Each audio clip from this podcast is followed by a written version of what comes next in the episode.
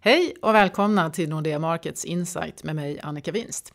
Idag ska vi prata inflation och jag har med mig min kollega Torbjörn Isaksson. Välkommen Tobbe och välkommen ni som lyssnar. Tack så mycket.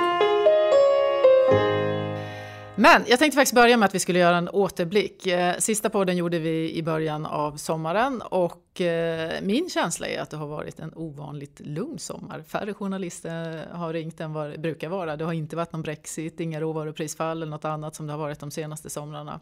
Så ur ett finansmarknadsperspektiv ändå hyfsat lugnt även om räntorna har gått upp lite grann. Är det något konjunkturellt som du tänker förutom att vi fick en stark BNP-siffra?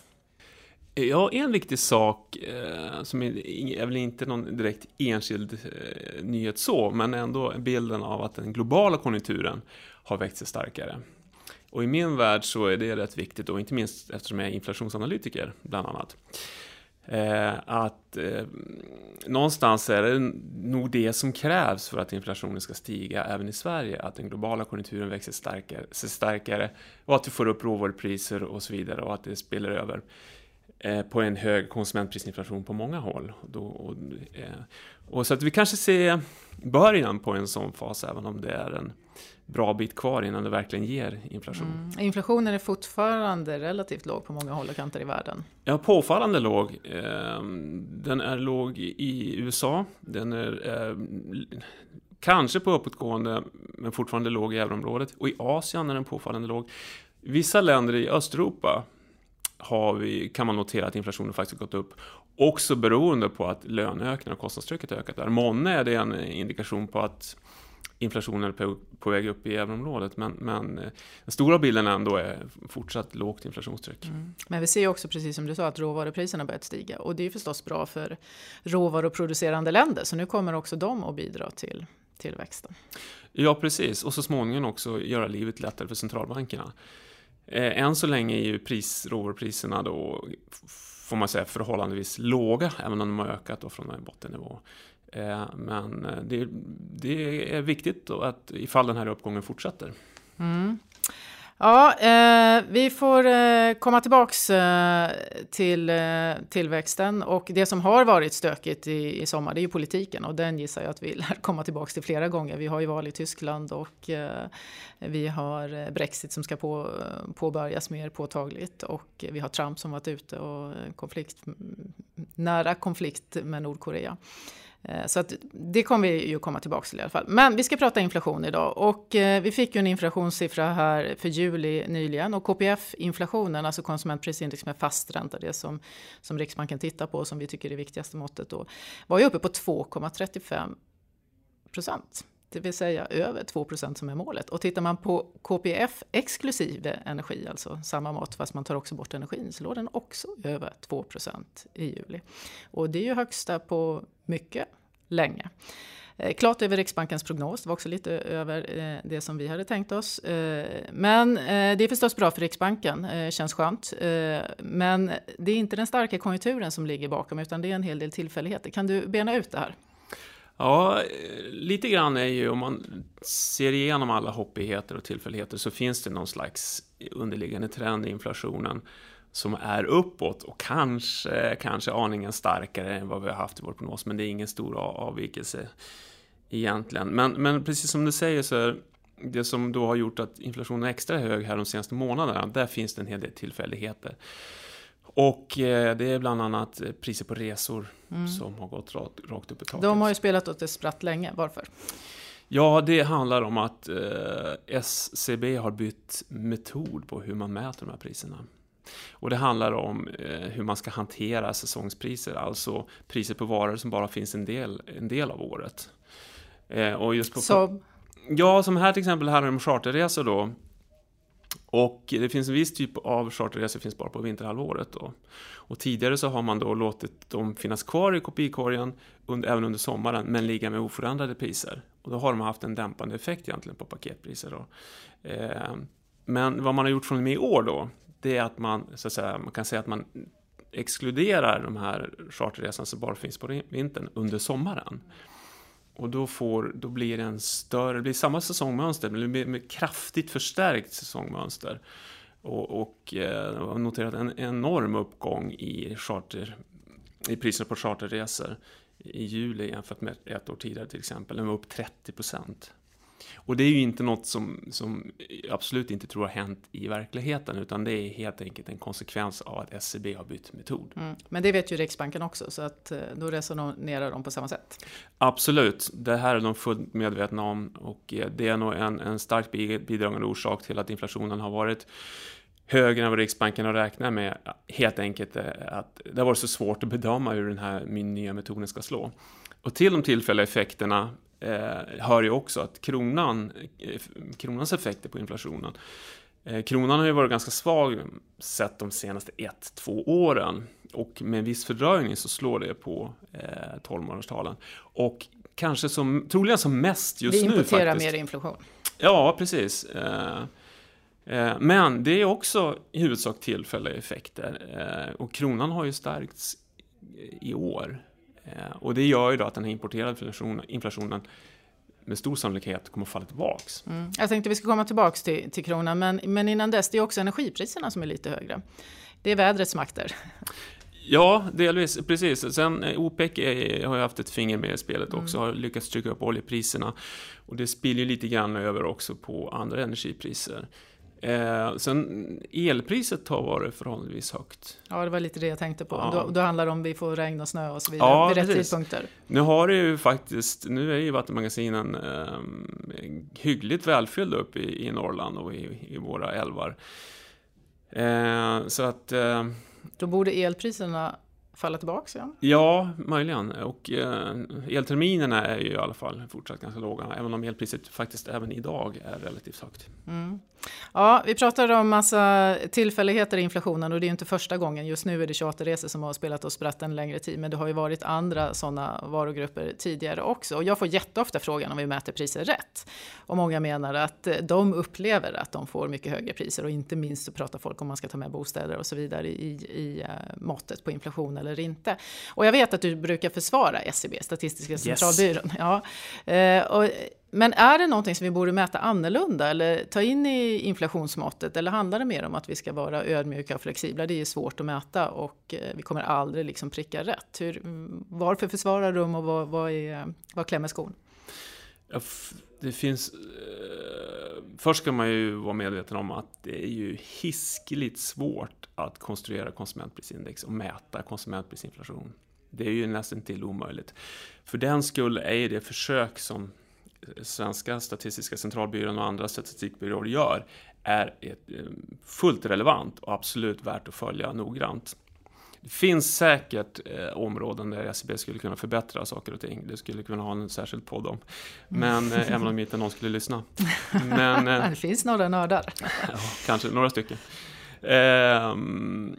Eh, men, men eh, i stort så gör SCB ett bra jobb och man ska, det, det liksom, det är inte, det, som jag ser det så är det i huvudsak, det är inte fel på hur SCB mäter, det är inte fel på vad som ingår i konsumentprisindex.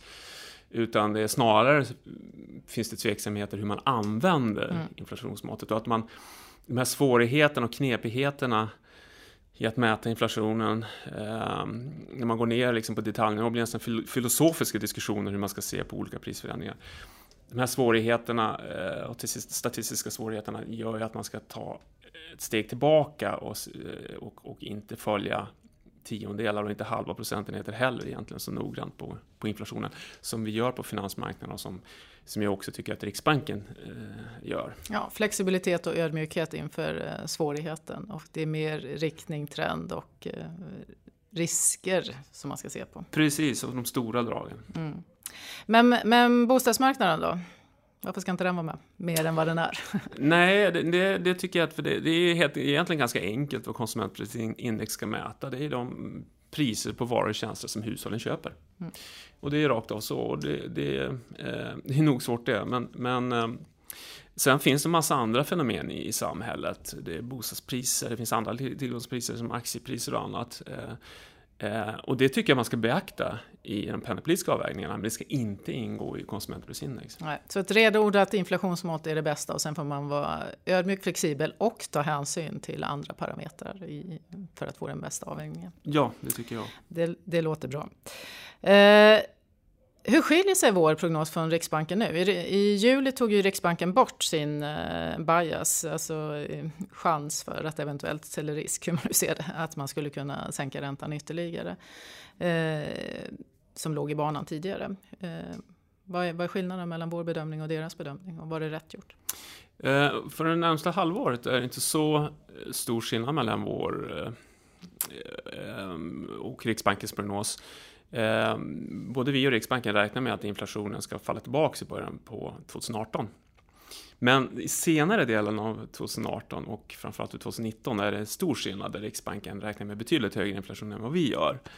Riksbanken behöver komma tillbaka till målet i slutet av ja, perioden, det, räntebanan. Det, det, är väl lätt att tro att det finns ett politiskt inslag i Riksbankens prognos. Eh, om inte de tror att inflationen går upp till målet, vem ska då göra det?